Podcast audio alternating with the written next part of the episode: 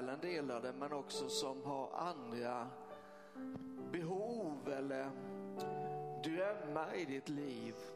Att använda den här sången för, som ett hjälp att lyfta din blick. Att du kan se Jesus. Du, vi talar ju om Johannesbrevet här, vi har fjärde gången och det har välsignat mig så mycket. Jag hoppas det har varit till hjälp också för dig och att det som vi säger idag ska kunna Eh, hjälpa dig i din situation. Men Johannes när han börjar skriva sitt brev så säger han vad vi har hört, vad vi har sett, vad vi har skådat och vad vi har rört vid. Det är det som vi skriver. Och vi skriver detta, säger han, för att vi ska ha någonting gemensamt i tron. Jag tror att det finns någonting starkt just i detta att få syn på Jesus. Ibland ser man bara omständigheter, ibland ser man sina erfarenheter, det är de som liksom står framför och skymmer. Men när man får se Jesus och man lyfter blicken och ser honom, ja då blir det annorlunda. Så låt oss bara sjunga någon gång till och bara ta tillfället där du sitter. Eh, du kan lyfta rent fysiskt din blick men du förstår ju precis som jag att det är inte det som är grejen. Men jag tror att, att Jesus verkligen vill bli synlig, påtaglig, nära dig just nu. Vi, du är skönast av alla Du är strålande vit och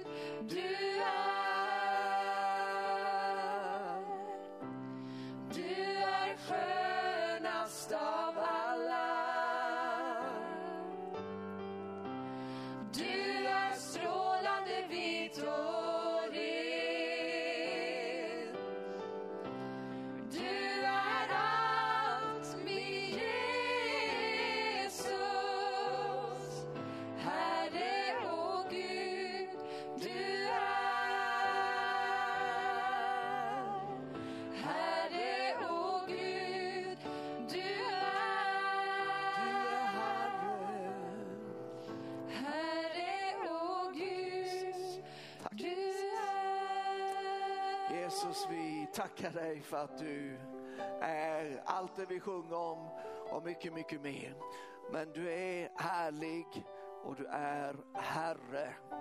Vi proklamerar dig som Herre här över den här förmiddagen. Vi proklamerar dig som Herre, den som bestämmer, den som har sista ordet i våra liv, i våra familjer, i församlingen Herre och i den här stan. Vi tackar dig Herre för att du är överallt, du är före allt och vi tackar dig för att du har en, ett ärende till varje människa som är med den här dagen. Låt ditt ord här och låt din ande få ha härlig effekt i vars och ens utav våra liv. Vi ber om det här i ditt namn. Amen. Amen, amen, amen. Stort tack tjejer. Det är bara ljuvligt att få prisa Gud på det här sättet. Eh, och ehm, jag tror att vi ska göra det som en avslutning på gudstjänsten med. Precis som ehm, vi sa inledningsvis så kommer vi att fira Herrens måltid här idag igen. Och vi gör det nu under, vi har 40 dagars bön och fasta och under den här tiden så, så vill vi bara lyfta upp Jesus också varje söndag genom nattvardsfirandet. Så vi vill uppmuntra dig där du är att vara med och eh, du kan eh, förbereda redan i förväg. Eh, men eh, kanske ska du vänta lite för just nu tänker jag säga någonting viktigt till dig. Det är nämligen dags för Guds ordspredikan. och Guds ordspredikan det är någonting som är så värdefullt för dig och för mig och egentligen för varje människa men speciellt förstås för alla oss som tror på och tillhör Jesus. Vi har som sagt var eh, ägnat oss några söndagar här åt första Johannesbrevet det har varit väldigt välsignat tycker jag eh, och jag sa här innan vi började att för mig som pastor, som predikant så är det fantastiskt att få ta någonting som jag inte har fött fram men som jag får göra till mitt. Det är pastor Joakim som har gjort det här. Vi gör det här tillsammans med andra församlingar i Livets Ord Family. Eh, men jag får väldigt mycket ut av den här undervisningen och är jätteglad för det. Och jag tycker mig se en ganska tydlig linje i det som Gud har gett oss så här långt 2021 och eh, kanske även under förra året. Vi började, om du vill dra det till minnes, det här året med några veckor av bön och fasta. Det är mycket sådant nu men jag tror att det är så rätt. Så bara ta till dig det, du som kanske säger jag vet inte om ska jag vara med eller hur ska jag tänka här. Tänk som mig så blir det bra. Jag tänker att det här är väldigt, väldigt eh, betydelsefullt. Men vi började med, som sagt var, med tre veckor bön och fasta och då talade vi några söndagar om eh, tillbaka till källorna. Tillbaka. Det går en väg tillbaka. Och det känns kanske lite malplacerat när man med allt man vill vill framåt. Men ibland är det ju så att vägen framåt går bakåt, det vill säga man måste återerövra någonting, man måste omvända sig kanske från någonting för att hitta rätt och komma rätt. Eh, och jag tror att vi är i en sådan eh, situation fortfarande. Och eh, precis som du så, så längtar jag ju framåt med allt jag har. Jag längtar till exempel framåt till den dagen då vi alla kan ses här i kyrkan. Men jag kan inte bara sätta mitt hopp och min förväntan till det. Utan jag måste ju sätta mitt hopp och min förväntan till Gud, eller hur? Och det måste du också. Eh, och Gud är nu. Eh, vad vill Gud göra nu? Vad säger Gud nu? Vad behöver jag nu? Inte om en månad eller om ett halvår eller whatever, utan just nu. Och där tror jag att det är lätt för oss, och, i synnerhet i den här situationen, att vi liksom fastnar i ett hopp.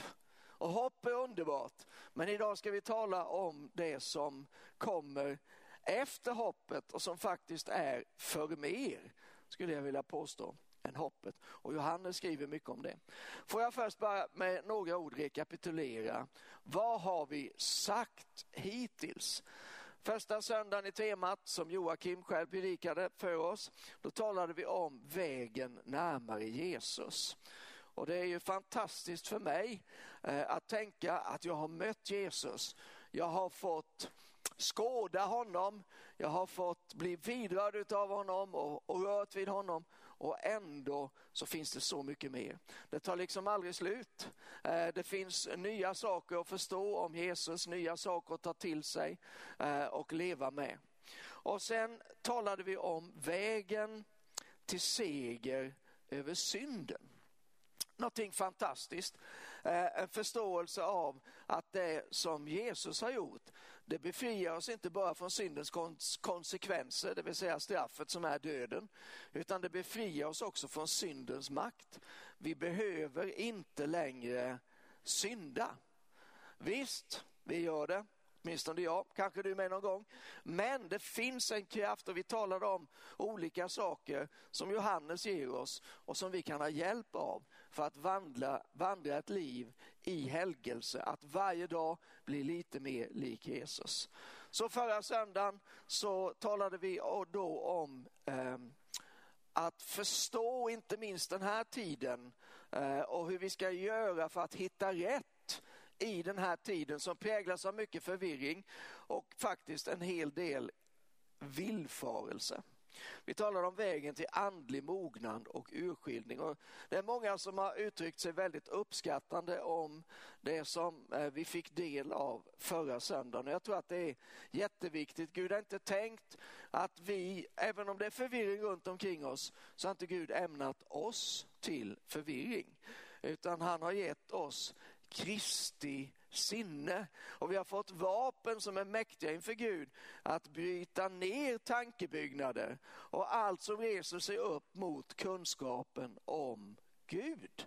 Så därför så, så behöver vi ta till oss. Så om inte du var med förra söndagen, lyssna gärna på eh, det budskapet. Det finns på podd, det finns på Youtube och Facebook och så vidare. Så det finns lättillgängligt för dig. Det är en väldigt god investering. Men de här tre söndagarna har alla kännetecknats egentligen av någonting som sker på insidan av oss grundläggande. Ehm, att vi har en relation med den levande guden, att vi blir lite mer lika honom, att vi har en trygghet och en förståelse i vårt hjärta och i vårt sinne om vem man är, vad som är sant och vad som inte är sant. Men idag så ska vi prata inte så mycket om det, det inre i detta utan mer om det yttre. För idag ska vi nämligen prata om en tro som övervinner. En tro som övervinner. Kanske har du läst eh, i det femte kapitlet i första Johannes. Ja, jag hoppas, jag på att säga, att du har gjort det. Om du har varit med tidigare, för varje söndag så har vi uppmuntrat dig. Läs första Johannesbrevet. Eh, om du är med i en hemgrupp, vilket jag också vill uppmuntra dig till, ja, då har ni förhoppningsvis talat om utifrån första Johannesbrevet olika samtalsfrågor. Men alldeles oaktat kanske du känner igen det, den bibelversen som säger detta är den seger som har övervunnit världen, vår tro. Vår församling är ju en trosförsamling. Vi kom till eh, i det som brukar kallas för trosväckelsen och det vore ju konstigt om inte tron vore någonting väldigt centralt för oss. Det är liksom en del av vår core, vår kärna. Eh, och eh, trosundervisningen eh, hjälpte mig på ett fantastiskt sätt att få tag på Gud och förstå Gud men också la en grund i mitt liv som jag till denna dag fortfarande står för det mesta väldigt, väldigt stadigt på. Eh, och eh, det är många saker som, som jag inte visste men som har blivit etablerade i mitt liv på grund av trosundervisningen. En sån sak det är ett, ett, ett, fångat, tycker jag, i ett uttryck som jag lärde mig tidigt. Tron börjar där Guds vilja är känd. Man skulle kunna ehm, eh, parafrasera det, den statementet och säga att tron börjar där Gud är känd. Men Gud är ju och hans vilja är ju synonyma, det vill säga det finns ingen skillnad mellan Gud och hans vilja. Och Guds vilja är uttryckt i hans ord. Tron börjar där Guds vilja är känd. Vi vill gärna tänka att tron är baserad på omständigheterna eller erfarenheterna, det är ofta där vi förlägger det, eller hur vi känner och så vidare. Men eh, Tron grundar sig på någonting som är mycket mer beständigt och mycket stabilare, nämligen på Gud och vad han har sagt i sitt ord. Och när vi vet vad Gud har sagt, då har vi ett fundament. Så därför blir vi på ett sätt fundamentalister. Det kanske är farligt att säga det, men om du förstår vad jag säger just nu så kan du ta det till dig, annars får du väl bara glömma det. Men ett fundamentalist, det, det tänker jag, det är en som står på en grund. Och så är det för dig och mig som kristna. Vi står på Guds ords grund. Åtminstone finns möjligheten för oss att göra just detta. Eh, och då är det inte så att, att tron kommer efter omständigheter, erfarenheter och känslor och att tron ska säga ska formas genom det utan istället är det så att tron finns där som en grund för att påverka omständigheter, erfarenheter och känslor. Och det här jobbar ju Johannes med i sitt första brev. Han återkommer till detta gång på gång. Eh, att vi har en frimodighet som utgår ifrån en övertygelse att Gud i Jesus Kristus har gjort det som behövs för att jag ska kunna leva i seger här och nu. På samma sätt som frälsningen är fullbordad enligt Guds ordet eh, så är ju allt det som frälsningen ger oss. Allt det som frälsningen innehåller är tillgängligt för oss här och nu. Men hur blir det då vårt? Jo, det blir vårt när vi i tro tar emot. När vi till exempel talar ut, precis som Romarbrevet 10 och den nionde versen säger att genom hjärtats tro blir man rättfärdig och genom munnens bekännelse blir man frälst. Så finns det ett trons nu som är väldigt, väldigt starkt och som är väldigt tydligt, inte minst i det som Johannes skriver i sitt första brev. Eh, Paulus säger ju att alla Guds löften har i Jesus Kristus fått sitt ja. Och därför får de också genom oss sitt amen, det vill säga när vi accepterar, när vi sätter vår förtröstan på att det är fullbordat, då blir det också en verklighet i våra egna liv. Och därför har vi tre olika, vad ska vi kalla det, tre olika steg eller tre olika delar som vi vill tala om lite grann idag som är kopplad till en övervinnande tro. Och det första är i relation med Gud, det andra är i relation med andra människor och det tredje är då i relation med den andliga världen eller andevärlden. Och eh, vi börjar med steg ett. Det är ju så man går framåt, man tar ett steg. Man behöver tänka så mycket på nästa steg, men ett steg måste man ta så är man liksom igång. Och steg ett här då, det handlar om att vara frimodig inför Gud. För tron ger en frimodighet nämligen. Frimodighet är någonting som vi alla önskar, som vi alla ville ha mer utav. Men, men det finns ingenting som gör oss så frimodiga som tron. För när tron har tagit överhand i våra liv, då finns det inget som kan stoppa oss. Eh, eh, Jesus säger i Markus, det elfte kapitlet, att om någon säger till detta berg, häv dig upp och kasta dig i havet och därvid inte tvivlar i sitt hjärta utan tror att det han säger ska ske, då kommer det att bli på det sättet. Så tron accepterar inte omständigheterna som någonting slutgiltigt. De, de finns där, de gör sig påminda, de står i vår väg. Men tron säger okej, okay, men då får vi ändra på det. Så får jag tala lite grann, ett par minuter bara om din och min frimodighet inför Gud. Johannes skriver om detta, vi börjar läsa i det femte kapitlet och den trettonde versen. Första Johannes 5 och 13. Detta skriver jag till er för att ni ska veta, för att ni ska veta. För att ni ska veta. Hebreerbrevet 11.1 säger att tron är en övertygelse. Det är en visshet. Det är inte en aning eller en förhoppning utan vi kan veta. Och han säger detta skriver jag till er för att ni ska veta att ni har evigt liv. Ni som tror på Guds sons namn. Det här tycker jag är, är, är väldigt skönt. Tycker inte du det också?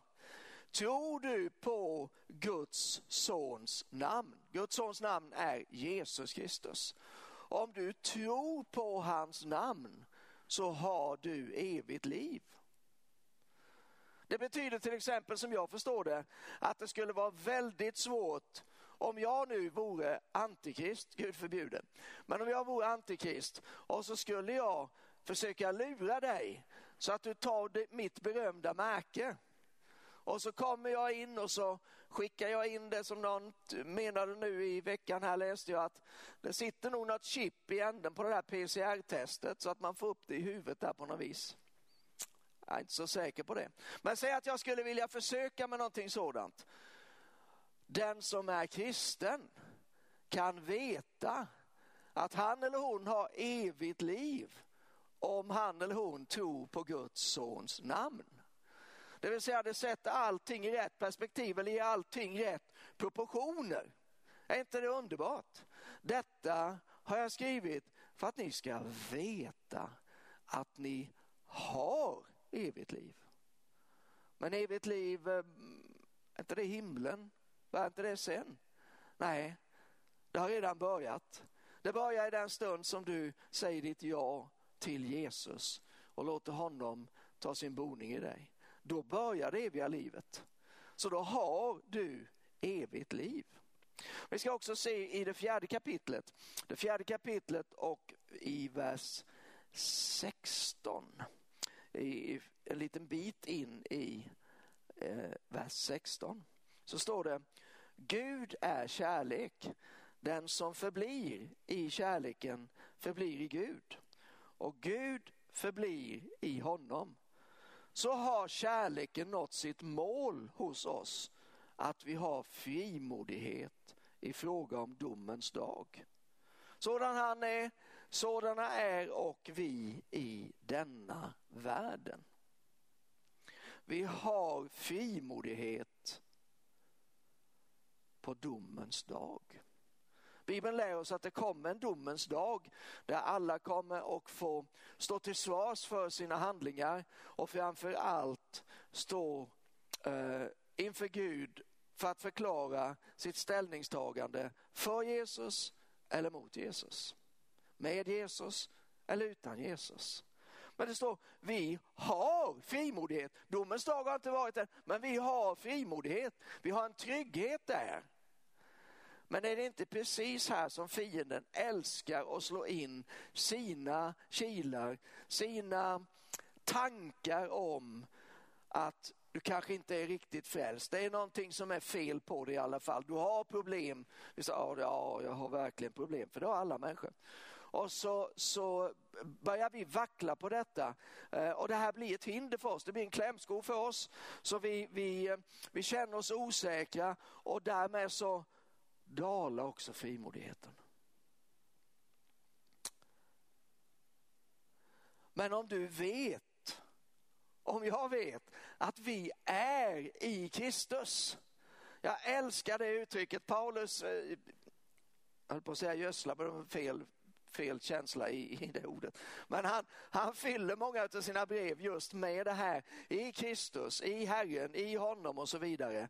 Eh, och eh, jag, jag, glömmer aldrig det år jag gick på bibelskolan så kom det en broder från USA, Mark Hankins. Och han undervisade en vecka och han stod på scenen och jag vet inte tusen gånger kanske han sa In Christ, in Christ, i Kristus.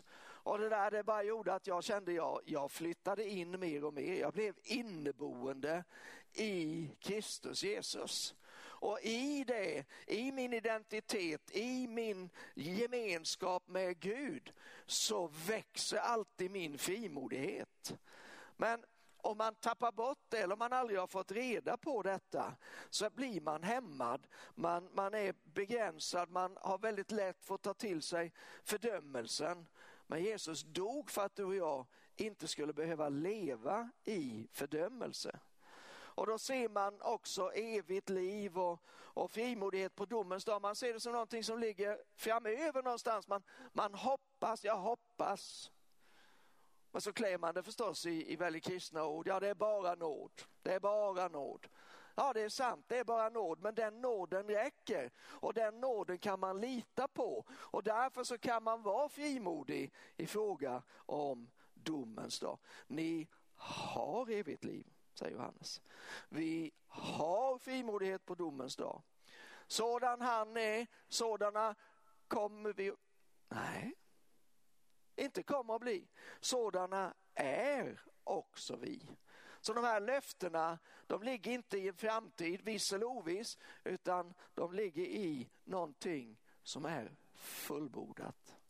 Det är ett faktum. Det är så Gud ser dig. Det är inte alltid så vi ser oss. Jag får bara erkänna det. Men Gud ser oss på det sättet. Det är vad du och jag är i Kristus här och nu. Och, och om detta är vad jag tror att det är och vad jag försöker beskriva för dig att det är, då, då har vi en fiende som kommer att hata detta mer än precis allting annat. Försöka dra oss bort ifrån den här sanningen, försöka stuka oss på insidan så att vi tappar vår frimodighet inför Gud. Det är den vi talar om just nu. Vi talar om frimodigheten inför Gud. För att om vi är i Kristus så har vi frimodighet att gå fram till nådens tron och finna nåd till hjälp i rätt tid. Eller hur? I enlighet med Hebreerbrevets fjärde kapitel. Och då blir det inte lätt att vara Guds fiende.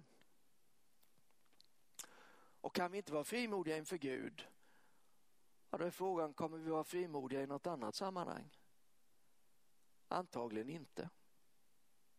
Så låt inte fienden få stjäla det här ifrån dig. Du har frimodighet. Du har evigt liv. Du är i Kristus. Du har frimodighet på domens dag. Vi går vidare och vi talar lite grann i och sätter det i relation till varandra. Så skulle vi kunna kalla det att ha frimodighet i vandringen. Och vi ska förstås ställa oss på Gudsordet även här. Och vi ska läsa ett par välbekanta, tror jag för många, verser i det femte kapitlet. Vers 14 och 15. Och den tilliten har vi till honom att om vi ber om något efter hans vilja så hör han oss. Och om vi vet att han hör oss vad vi än ber om, då vet vi också att vi redan har det vi har bett honom om. Vi ska också ta eh, ett ord ifrån det andra kapitlet och den tjugonde versen. Första Johannes 2 och 20 så står det Ni har en smörjelse från den helige och ni har alla kunskap. Det stod inte all kunskap, men det stod att vi alla har kunskap. Och återigen så, så är det ju bra att se tidsperspektivet. Du har vad du har bett honom om. Du har smörjelse från den helige. Så därför så kan du och jag, vi kan sluta och förlägga det i framtiden. Vi kan sluta och hoppas och vi kan börja tro. Vi kan aktivera vår tro Eh, vi kan tala ut, vi kan bekänna, vi kan säga det som Gud säger. För Gud säger, det är ett fullbordat faktum. Och jag tycker det där eh, kommer till uttryck, jag citerade innan i, i Markus det elfte kapitlet, Jesus, där Jesus talar om att, att tala till bergen. Och precis i samma sammanhang så säger han också så här att eh, vad ni ber om Tro att det är givet och det ska ske så. Tro att det är er givet, det vill säga det ligger i past tense, jag kommer inte ihåg vad det heter på svenska, alltså det ligger i dåtid och det ska ske så. Tron grundar sig på det som redan har hänt, det som redan är ett faktum. Därför så säger ehm, Romarbrevet 4 om trons fader Abraham, han kallade på det som inte var till, så som om det vore till. Det säger om Mose som vi citerade i Hebreerbrevet 11, tror jag var förra veckan eller veckan dessförinnan, att Moses liksom såg den osynlige. Han såg någonting som mänskliga ögon inte kunde se. Han satte sin tro till det och det blev en verklighet.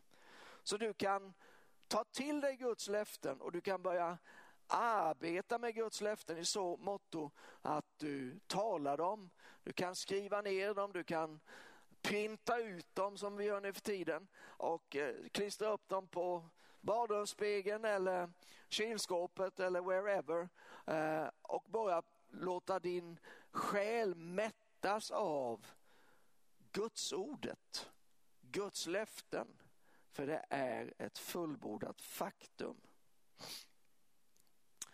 När vi pratar om bön och när vi pratar om smörjelse här så tror jag det är viktigt att säga att fokuset där, det ligger ju inte på oss. Det ligger inte på att vi ska få bönesvar eller att vi har mycket smörjelse så att vi på något vis ska kunna manövrera Gud, utan fokus ligger ju nummer ett förstås alltid på Gud, men nummer två, det ligger på andra människor. Ibland så, så kan man vara lite sådär, ja, jag ska jag be för detta och hur ska jag be och ber jag i tro och så vidare. En, ett litet tips då. Eh, låt inte dina böner bara fokusera på dina egna behov, din egen situation, utan se till att dina böner inkluderar andra, kanske till och med fokuserar på andra människors behov. Därför att då tror jag att då, då ligger du väldigt väl till att få bönesvar. Och smörjelsen, vad har vi den för? Ja, smörjelsen, vad är det? Den heliga ande över våra liv och genom våra liv. Men det är inte först och främst för att vi ska ha det gött eller njuta eller göra erfarenheter, utan det är därför att Gud har satt oss här för att betjäna en värld som lider.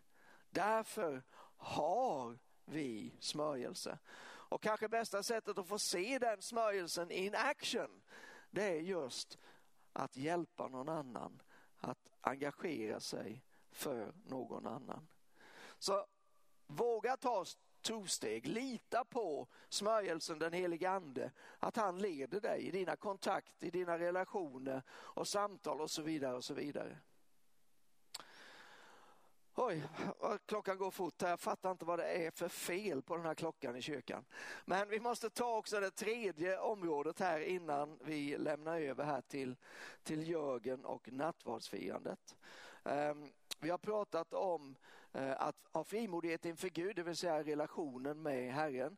Vi har pratat om att ha frimodighet i vandringen eh, som är i relation då till andra människor grundläggande. Och nu ska vi prata lite grann om att ha frimodighet i den andliga kampen. Om du har upplevt andlig kamp någon gång, lyft din hand. Ja, vi får nog lyfta båda händerna tror jag. Det är, ja, det är så, inte minst i den här tiden skulle jag vilja säga. Men det finns någonting underbart att säga, inte bara att det är en andlig kamp, utan det finns en seger i den andliga kampen. Och vi ska bara se kanske det mest välkända eh, bibelordet tänker jag i första Johannesbrevet, det är 4.4. Hur många gånger har man inte lutat sig mot detta bibelord? Hur många gånger har man inte kastat sig på detta bibelord och sagt gode Gud, måtte det vara sant. Och det är sant. Ni kära barn är från Gud och har besegrat dem. För han som är i er är större än den som är i världen. Bara smaka på det. Jag känner mig lite stressad just nu men vi måste ändå göra bara en liten sela-paus här. Han som är i er är större än den som är i världen. Ni har besegrat. Det är inte fantastiskt? Vi, vi, vi, vi ehm, tittar också i det andra kapitlet. Annat favoritställe. Vi sjöng eh, på det glada 90-talet. Eh, ska vi se om jag kommer ihåg början på sången här. Det var ju... Eh, han för mig alltid fram i triumftåg med sig. Om Gud är på min sida, vem kan då vara emot oss? Och jag är stark och Guds ord förblir i mig. Jag har besegrat den onde. Det var en del människor som fick problem med den där sången och tyckte att det var alldeles för övermodigt att säga jag har besegrat den onde. Men det är ju faktiskt precis det som Bibeln säger. Nu kan man vara övermodig och eh, ha en, liksom en arrogant ton och, och eh, kanske tro att bara för att det står där i Bibeln så är det automatiskt så. Nej, men det är ändå ett faktum. Första Johannes 2.14. Eh, jag har skrivit till er barn, ni har lärt känna Fadern. Jag har skrivit till er fäder, ni har lärt känna honom som är från begynnelsen. Jag har skrivit till er unga, ni är starka, Guds ord förblir i er och ni har besegrat den onde. Once again, har tidsperspektivet. Det ligger inte i framtiden, det ligger i någonting som redan är en verklighet. Johannes skulle kunna säga, han som en gång kommer att vara i er är större. Eller ni kommer att besegra den onde, men det gjorde han inte utan han skrev, han är i oss, vi har besegrat. Fienden fattar ju att om vi får tag, om du och jag får tag på den här sanningen så har han en kris i hela sitt rike. Och därför så försöker han med allt vad han har att hålla oss borta från den här sanningen. Att vi ska känna oss under när vi egentligen är över. Att vi ska uppleva oss vara en svans när Gud egentligen har satt oss till ett huvud. Så hela det här det övernaturliga, om vi får tala om det, den övernaturliga tillvaron. Vi känner oss ofta tveksamma till det, vi har många frågor kring det, vi känner oss lite väldigt små. Och det är inget problem i sig att känna sig lite liten och lite sådär. Men vi måste förstå att Gud är stor och vi är tillsammans med honom. Vi är till och med i honom. Och därför så kan vi vara frimodighet inför den, den andevärld som är en verklighet. Vi kan vara frimodighet i den andliga kampen. Allt det som djävulen erbjuder just nu så erbjuder han ju ett alternativ till Gudsordet som säger hela jorden ska bli fylld av Herrens härlighet. Har du hört det uttrycket någon gång? Det står på mer än ett ställe i Bibeln. Hela jorden, står det till och med, är fylld av Herrens härlighet. Fienden erbjuder just nu ett alternativ till detta bibelord. Han säger, hela världen är fylld av corona. Och vad händer med oss? Ja, vi blir förstås fångade av detta, vi blir upptagna av detta, vi blir rädda för detta. Vi, vi blir ibland till och med som förlamade inför detta. Och här står inte någon coronaförnekare framför dig just nu. Men jag tror att det är viktigt också i den här tiden, eller kanske speciellt i den här tiden, att vi ändå behåller fokus på vad är det som Gud säger. Att vi inte låter oss lockas iväg av varken det ena eller det andra, utan att vi håller fast vid det som Gud har sagt, för där i ligger segern. Guds ord säger att du är en övervinnare i Kristus Jesus. Allt som är fött av Gud besegrar världen. Första Johannes 5 och 4. Och detta är den seger som har besegrat världen, vår tro. Vår tro. Där ligger en seger över världen. Och därför så vill jag den här söndagen så vill jag uppmuntra dig att du har en position. Utifrån din relation finns en position och i den positionen så finns en enorm frimodighet. En frimodighet inför Gud, en frimodighet inför andra människor och en frimodighet inför hela andevärlden. Och därför så, även om du eh, sitter och är isolerad och även om vi inte kan mötas som vanligt, så kan du ändå vara frimodig på alla de här tre områdena. Du kan vara med i bönen. Jag kan inte för mitt liv fatta varför inte fler är med på bönen. Du kan eh, mitt i pandemin så kan du sätta upp nya mål. Du kan sträcka dig efter någonting, göra erövringar, inta nya områden. Jesu namn, det är för dig. Du kan använda det idag om du vill. Och du kan göra det med en enorm frimodighet. Och idag så vill Gud att din och min tro ska växa så att vi kan göra nya erövringar, se nya genombrott.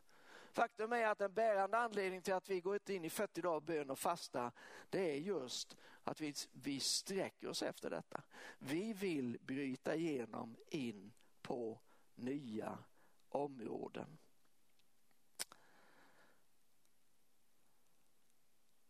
Oj, oj. Jag tycker det här är fantastiskt.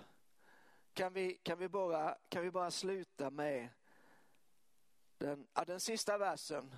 Den, den, är ju, den är ju talande just i vår tid tycker jag, inte minst. Kära barn, på, var på er vakt mot avgudarna. Men låt oss bara stanna ett ögonblick i den tjugonde versen i femte kapitlet. Det står så här, vi, vi vet, alltså Johannes avslutar hela det här brevet med tre stycken sådana här vi vet statement. Vi vet att ingen som är född av Gud syndar, han som är född av Gud bevarar honom så att den onde inte kan röra honom. Vi vet att vi är av Gud och att hela världen är den ondes våld. Men vi vet också här kommer det tredje vi vet. Men vi vet att Guds son har kommit och gett oss förstånd så att vi känner den sanne. Och vi är i den sanne, i hans son Jesus Kristus. Han är den sanne guden och det eviga livet. Jag skulle vilja läsa det också ifrån kärnbibeln. Ehm, det var ju intressant att höra de olika bibelöversättningarna där från första Tess eh, som Jörgen delade tidigare. Eh, eh, speciellt tyckte jag om, om Karl XII måste jag säga. Be utan återvändo. Ah, så bra va? Men lyssna så här står det i 20 versen, första Johannes 5, svenska kärnbibeln.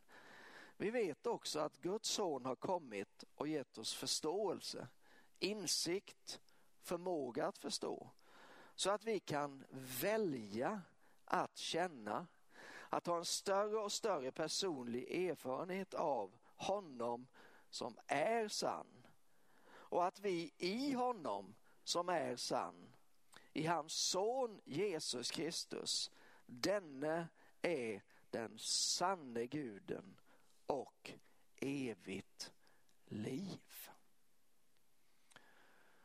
I höstas när vi bad så, så talade Gud och sa att ett fäste har blivit nedbrutet.